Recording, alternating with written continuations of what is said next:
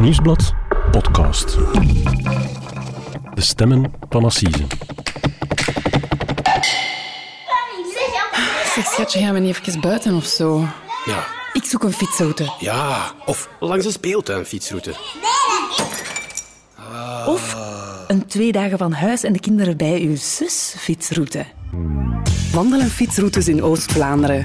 Kort, lang, rustig of vol avontuur? Routen. We hebben het voor jou. Op routen.be. Cecile Bombi, Sister Godfreda. later known as Sister Godfreda. Sister Godfreda was a Catholic nun. Sister nun. Godfreda admitted to killing three of her patients. They accused the Mother Superior of being a murderer. Three other nuns contacted the police after they noticed something strange going on in the nursing home. Er is iets raars. Tik Zuster Godfrida in op YouTube en je vindt van alles. Zelfs een Zweedse podcast die auteur Tom ook over de zaak heeft geïnterviewd. Bizar dat dat wereldwijd nieuws werd en nog steeds is en er hier zo weinig over geschreven werd. We zijn februari, maart 1978. Wetteren is hot.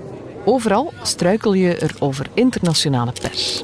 Reporters voor televisie, radio, kranten en weekbladen vallen over elkaar heen om het nieuws het sappigst te kunnen brengen en ze jagen op exclusieve foto's en interviews.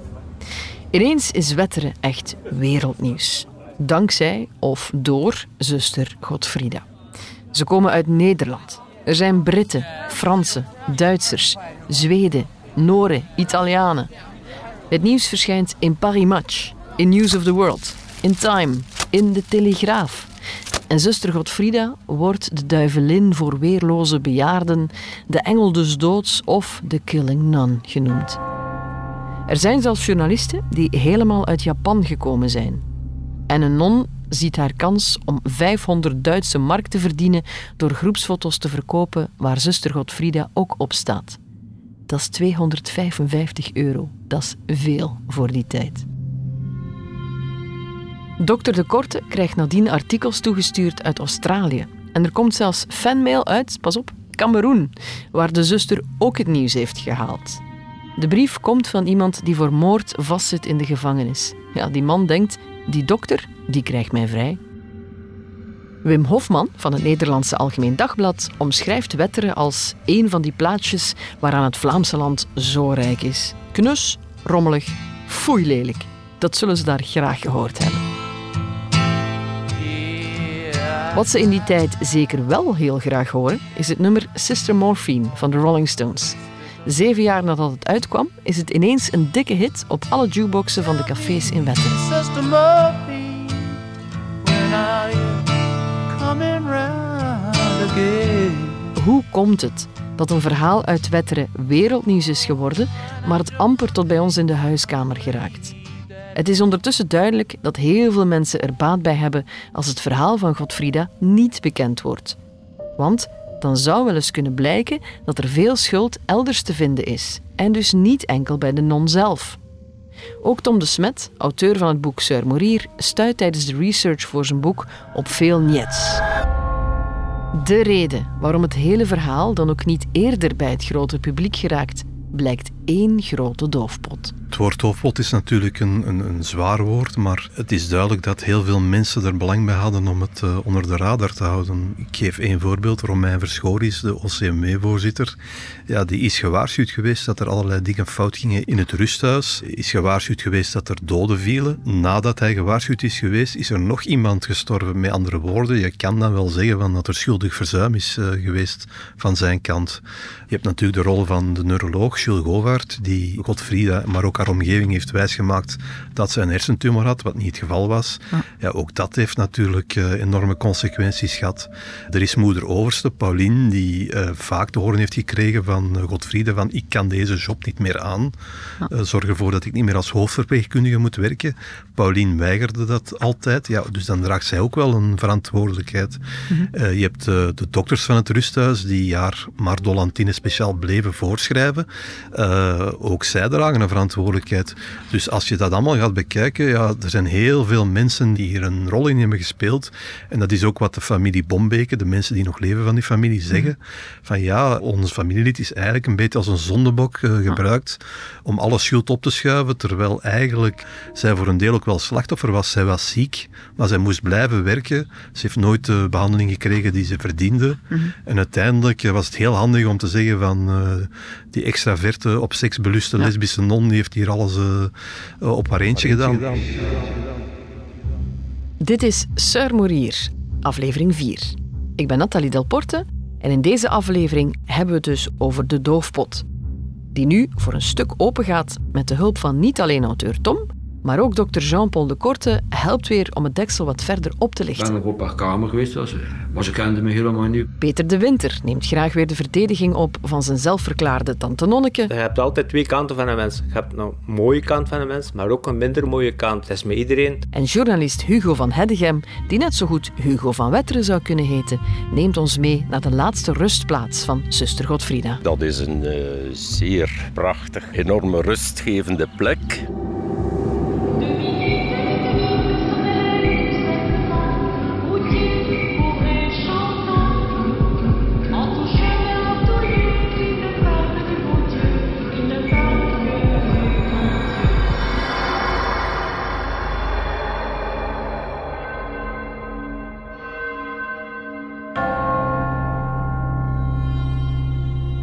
Er zijn veel spelers in dit verhaal.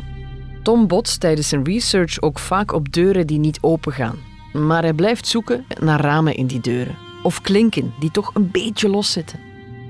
Tom wees net nog naar verschillende partijen die hun verantwoordelijkheid duidelijk niet namen. En ook in Wetteren zelf werd er op dat vlak best wat geroddeld. Het OCMW krijgt daar niet voor niets de bijnaam Openbaar Centrum voor Moorddadig Werk en de apostoline worden de insuline.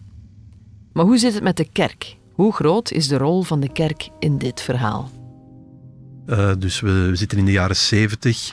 de katholieke zuil is nog zeer dominant. Eh, het is de tijd dat de kranten bijvoorbeeld allemaal tot een bepaalde zuil behoorden. De meeste tot de katholieke zuil, sommige tot de socialistische zuil of de liberale zuil. En vanuit de politieke partijen, en in het geval van de katholieke zuil ook vanuit de katholieke kerk, werd bepaald wat er in die kranten kwam en wat de standpunten van die kranten waren. En het is overduidelijk dat er niet te veel mocht geschreven worden over zuster Godfrida, want dat was natuurlijk eh, geen al te beste reclame voor eh, in eerste instantie het klooster van Wetteren, maar in ruimere zin ook voor de katholieke kerk. En hoe komt het dat in een verhaal zoals dit, maar eigenlijk ook wel veel vaker een hand boven het hoofd van de echte schuldige wordt gehouden? Macht, geld, aanzien?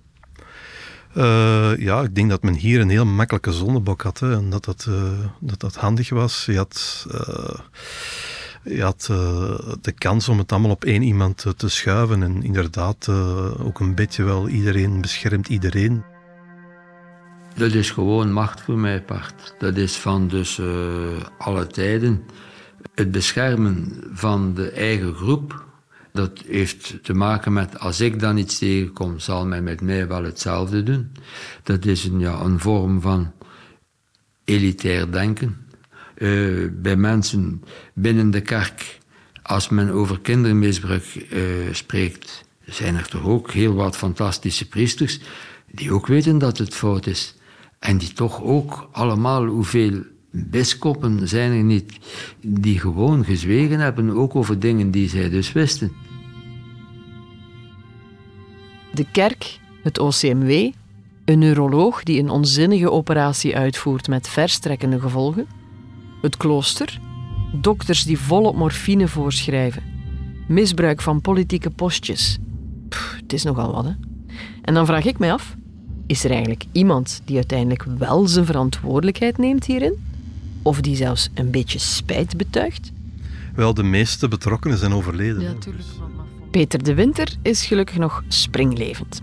Hij heeft een bloeiende cateringzaak in Kieldracht, waar hij elke dag een verse dagschotel levert bij heel veel oudere mensen. En dat lijkt geen toeval, want jaren geleden bracht hij ook al wel eens eten naar zuster Godfrida. En haar lievelingsgerecht is nog altijd een van zijn specialiteiten.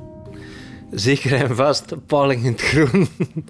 Ik heb ooit nog in de krant gelezen van het rook er naar precies in een sterrenrestaurant. Maar ik wist, en ons mama zei altijd, zuster Godfrida eet graag paling. En dan heeft ze er ook nog van gegeten, want ja, ik ben van mijn 12 jaar naar de hotelschool geweest. Ja, en natuurlijk, als je dat warm maakt, dan krijg je natuurlijk een lekkere geur in het rusthuis. Maar dat was dan ook ja, om de zustertjes even ja, ook een, lekker, een lekkere maaltijdje te geven of is iets extra te geven. Hè. Peter hoopt dat die kant van zuster Godfrida ook wordt onthouden. Al ziet hij zeker ook de feiten onder ogen. Hetgeen dat zuster Godfrida gedaan heeft, misschien ja, zeker en vast onder een verslaving, is heel negatief. En dat vind ik heel erg dat dat gebeurt. En dat gebeurt met veel mensen zo. Maar ze heeft ook haar goede kanten gehad en ze heeft ook bijgedragen aan mensen. En dat, dat het leven niet altijd roze geur en maneschijn is, maar dat je toch altijd iets positiefs moet proberen uithalen. En dat is ook een van mijn drijfveren. Ook al is het iets negatief, probeer ik er toch nog iets positiefs uit te halen en dan heb je weerkracht om verder te gaan. Hier zou ik amen kunnen zeggen. Maar je zou je ook durven afvragen of de betrokkenen, die in der tijd toch ook allemaal katholiek waren of minstens katholiek opgevoed, nog iets geloven van dat geloof. Op die vraag gaf dokter De Korte dit mooie antwoord. Je moet, als je iets zin geeft, ook degene zin heeft, dan is het leefbaar. En dat is voor mij de essentie van geloof, of onder welke vorm dan ook. Ik geloof ondertussen dat dit verhaal nog niet helemaal is verteld. We gaan daarom terug naar Wetteren, weer op wandel met Hugo en botsen in de ingang van het rusthuis, waar ook de laatste nonnetjes wonen, op heel wat bekenden. De moeder van Hugo woont er nog steeds. Hier komt nu net mijn zus toe met mijn ma, 94. Alsjeblieft. Fantastisch. Dat is Hugo. Van Hugo. Onze Hugo. Ja. De nog overgebleven zusters hebben in het rusthuis, zoals we weten, een eigen vleugel. En zo komen we ook een van hen tegen. Zuster Godlief, in juni is het al met een negende voor bij mij, 96 geworden. Amai, en hoe gaat dat vieren? Jongen, dat weet ik niet. Hè. Zeg, mag ik u vragen hoe dat u uw zuster Godfrida herinnert? Bah, ik vond ik dat een redelijk goed mens, maar ze moest dan geopereerd worden in haar hoofd. Ja. En uh, nadien, ik weet niet hoe dat, dat dan verlopen is. Ja, ik heb ik daar ook dingen van gehoord dat ik zei, dat is niet mogelijk. Hé. Maar ze was altijd vriendelijk, alleen voor de mensen ook. Ja. ja. Maar ik kon er niet van klagen, alleszins niet. Ja. Maar je zag dat ze ziek liepen zo. Hè. Dat, ja. Ze last dat pijn had. Dat ze soms zei, ai, mijn hoofd en mijn hoofd. Hè, dat... Geloof het of niet, maar is het toeval dat op het einde van het leven van zuster Godfrida, toen gewoon weer Cecile Bombeke, bijna alle moeders van onze getuigen samen onder één dak woonden. De moeder van Hugo, die kwamen we net al tegen, maar er is dus meer. Zo blijkt ook bij dokter De Korte. We gaan even naar het, de laatste fase van het leven van uh, zuster Godfrida. Dement in het nieuwe rusthuis van het klooster. En wie verbleef daar ook? Mijn moeder. Wat dus bewijst, wat bewijst dat ik nooit iets tegen zusters of uh, religie of kerk ook heb, heb gehad. Het was op dat moment het beste rusthuis. En ze is daar terechtgekomen. Ik ben nog, ben nog op haar kamer geweest. Was, maar ze kende, ze kende me helemaal niet. Ik heb veel goesting gehad om toch proberen te praten Ja. over die zaken met haar. Maar ik heb uiteindelijk niet, niet gedaan omdat ze aan het dementeren was. Eén. En twee, om geen boel te scheppen met die andere zusters. Want als, mij hielden ze wel in de gaten als ik ergens, als ik ergens was. En er is de moeder van Peter, Peterke. Elsa de Winter is van alle moeders de enige die graag had geweten dat ze de laatste jaren van haar leven doorbracht in hetzelfde rusthuis als waar de vrouw die haar kinderen levend en wel op de wereld had gezet, zelf stilletjes uitdoofde. Ze heeft het nooit geweten. Ze hebben nooit samen... Allee, ik heb nooit geweten dat ze samen er gezeten hebben.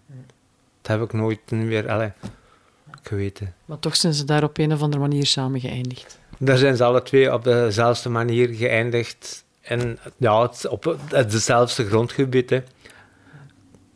Ja, misschien op nog geen 200 meters van elkaar. Terug naar Tom, die alweer stevig staat te kloppen op een paar deuren. Dit keer om het dossier vast te krijgen van zuster Godfrida. Om daar hopelijk antwoorden te vinden op een heleboel vragen die hij nog heeft. Het blijft een moeilijke zoektocht. Het verleden laten rusten, weet je wel. Maar hij blijft zoeken. En vindt. Klopt, ja. Dus bijvoorbeeld het, uh, het, gerechtelijk dossier, daar werd eerst van gezegd van dat bestaat niet meer, dat is vernietigd. Mm. Uh, dat werd mij meegedeeld door het Rijksarchief.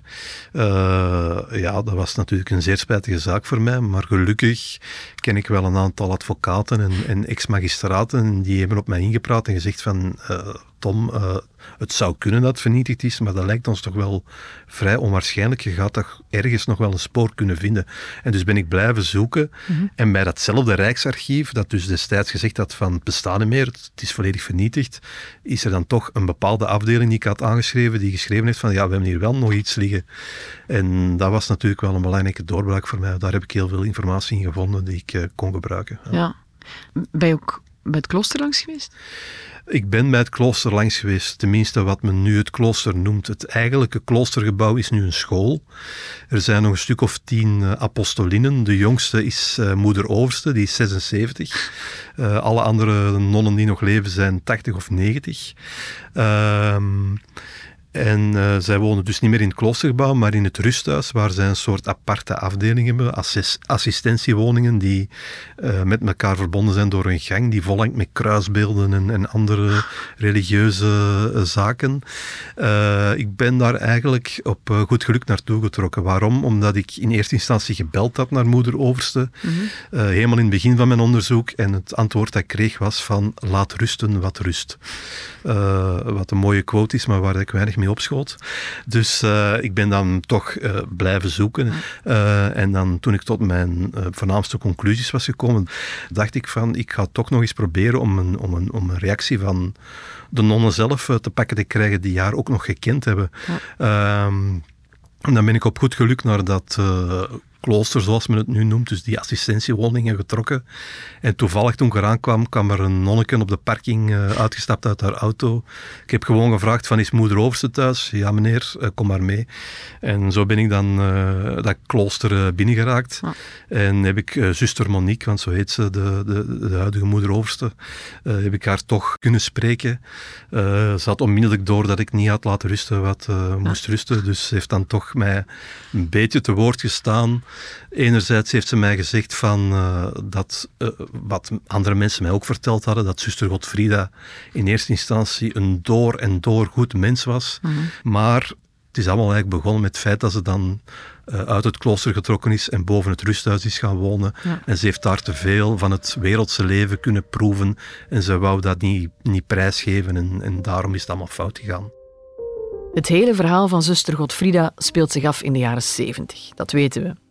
Maar hoe zit het nu, vandaag? Hebben alle betrokken partijen hun les geleerd? Zijn er veel dingen veranderd, verbeterd? Leert men iets uit de fouten of blijft men afgesloten potjes op elkaar stapelen? Als je kijkt naar ja, het recente verhaal ook nog uit Oost-Rozebeke, lijkt er niet zo heel veel veranderd. Nee, dat is wel opvallend. Hè. Um, ik maak in mijn boek ook wel regelmatig uh, de sprong van het verleden naar het nu. En dan stel je bijvoorbeeld vast wat er toen uh, kon, in de tijd van zuster Godfrida, dat men zomaar aan medicijnen geraakte, dat dat nog steeds kan. Dus daarom vind ik dit ook wel een, een ondanks het feit dat het verhaal zich in 1978 afspeelt, nog wel een zeer actueel verhaal. Ja. Uh, en ik maak mij ook altijd zeer druk over het feit dat al die wantoestanden in onze rusthuizen anno 2023, dat die allemaal maar passeren. Uh, mm. Om een idee te geven, in, in de volle coronacrisis heeft Amnesty International, dat lijkt me nu toch niet de eerste de beste organisatie, heeft een rapport uitgebracht waarin zwart op wit stond dat er in België mensenrechten schendingen zijn gebeurd, mm. mensenrechten schendingen in de rusthuizen. En dat passeert allemaal. Zou het ook kunnen dat het verhaal zoals van Godfrida vaker gebeurt, maar vaak onder de radar blijft, omdat het hier om een heel kleurrijk figuur ging.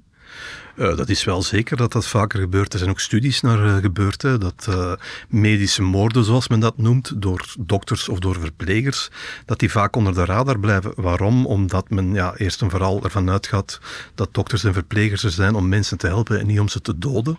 En twee, omdat ze natuurlijk in heel makkelijke omstandigheden kunnen doden.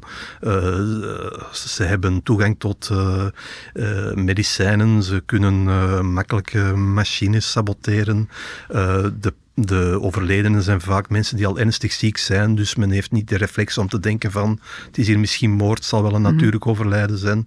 Dus ja, er zijn verschillende studies, internationale studies, die aantonen dat er heel veel medische moorden onder de radar blijven. Eigenlijk moet men die zaken in een veel bredere context zien, waarbij wij met overlijdens in België nooit op een verstandige manier zijn omgegaan.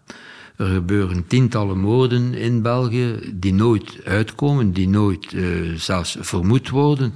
Gewoonweg omdat men op geen enkele manier een controle doet, is er hier bijvoorbeeld een meersterfte. Met dat allemaal, maar ook met alles wat je weet. En als je terugkijkt op alles wat en hoe je het hebt gedaan, zou je het anders aanpakken nu? Nee. Nee, uh, ik vind dat mensen hebben recht niet alleen op de waarheid, maar ook op een stuk hulp en uh, bescherming. Hmm. En niet iedereen kan het, heeft de capaciteiten. En dan is dat niet uh, elitair bedoeld, maar de, het inzicht en het karakter om het te durven doen en uh, te zeggen over mijn lijk. Hebt u in uw carrière als dokter dan nog vaker van die verhalen gezien waar u niets mee kon omwille van beroepsgeheim? Uh, beroepsgeheim is een zaak die door sommigen, vooral degenen die liefst zwijgen, heel restrictief wordt geïnterpreteerd. Zoals het biechtgeheim. Hè. Als iemand u een moord bekent, dan mogen je dat zeker niet zeggen, want dat is, dat is biechtgeheim. Ja, sorry. Hè. Uh, ik vind dat je alles in zijn maatschappelijke context moet, moet, moet zien. En er is, je moet het hoger goed afwegen ten overstaan van de, van, de, van de feiten. Dus, en dat is voor mij de grens. Beroepsgeheim en plicht eindigt waar andere slachtoffer worden. Mocht ze nog leven en u mocht haar één vraag stellen, wat zou het zijn? Dezelfde vraag die jij mij gesteld hebt, uh, moest het opnieuw gebeuren, zou jij hetzelfde doen? Hm. Hoe zou jij omgaan met hetgeen je zijt tegengekomen? Uh, en waar is het fout gelopen? En kunnen anderen daar iets uit leren?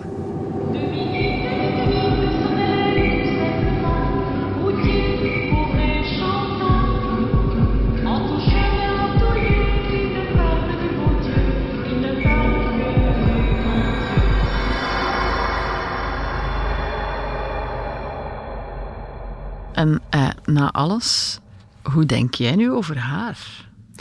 Uh, veel genuanceerder dan in het begin. Eigenlijk is dit boek begonnen uh, met uh, de vaststelling dat zuster Godfrida voorkomt in lijstjes van bekende Belgische seriemoordenaars. Bekend, dat klopt al niet, want Killing weinig mensen kennen ze, maar dat viel mij heel hard op. Ik kende eerst en vooral die naam niet. Ten tweede, zuster Godfrida, dus een vrouw. Um, mm seriemoord is een mannelijk fenomeen. Ja. Zij stond in die lijst met Marc Dutroux, Andras Pandi, dus je denkt dan in eerste instantie van dat moet een door en door slechte vrouw geweest zijn die vooral de bedoeling had om uh, bejaarden te bestelen. Mm. Uh, een koelbloedige moordenares. Maar door nu haar verhaal helemaal te reconstrueren van, van haar wieg tot aan haar dood, uh, ben ik wel tot inzicht gekomen dat zij niet in, in, in dat rijtje van Dutroux en Pandi thuis hoort. Zij, is, zij heeft foute dingen gedaan, maar zij was toch ook wel slachtoffer van een systeem waarbij zij gedwongen werd om te blijven werken, ondanks dat ze ernstig ziek was, waar zij een, een medische fout heeft ondergaan, waar ze niks aan kon doen, maar waar ze, die wel zware gevolgen had. Uh, ze heeft nooit de juiste hulp gekregen. Ehm, dus uh, mijn beeld nu, na al mijn onderzoek, is wel een heel genuanceerd beeld. Een beeld van een vrouw die uh, ja, uh, foute dingen heeft gedaan, maar die ook wel slachtoffer was en die de hele situatie boven haar hoofd heeft zien groeien. En ze had God in haar naam. En ze had God in haar naam, ja. En misschien dat God genade zal hebben voor haar, ik weet het niet. Zuster Godfrida is gestorven, in alle stilte. Zelfs haar familie werd niet op de hoogte gebracht van haar overlijden. Alle geluk dat de moeder van Hugo in hetzelfde rusthuis zat, of we hadden het misschien nog altijd niet geweten. Dat ze stierf en waar ze begraven ligt. Ik wandel met Hugo naar het prachtige nonnetjeskerkhof. Dat is een uh, zeer prachtig, enorm, enorme rustgevende plek. Uh, dat is eind de jaren 40 uh, neergezet. Uh, speciaal als laatste rustplaats Kerkhof voor de uh, zusters die hier leefden en werkten. Hoeveel liggen er hier begraven ongeveer? Er liggen er, als je de graven telt, een 110. zoals je ziet op de stenen staat telkens de wereldse naam van de zusters. Ik zeg zo maar iets hier. Marie de Poorter, geboren in het jaar 1887 en overleden uh, 1964. Dus het geboortejaar en het overlijdensjaar en de precieze dag, een effectieve datum staat er niet bij. Zullen we eens naar haar graf gaan.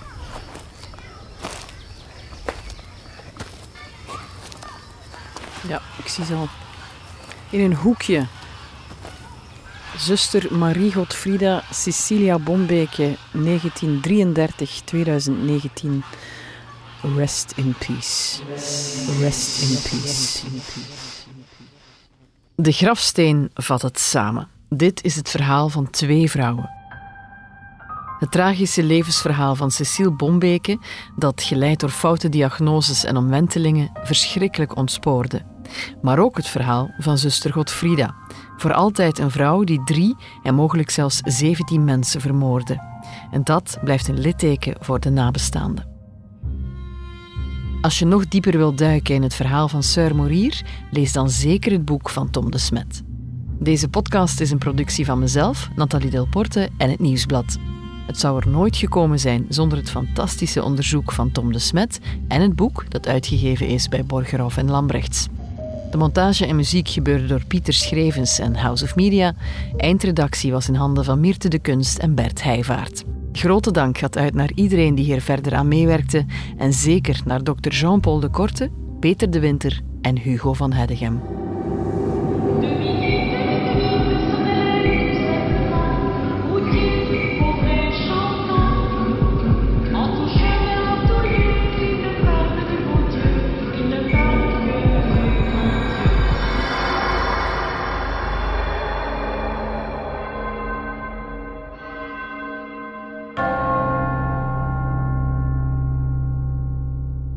Bedankt voor het luisteren. God zegene en bewaren u.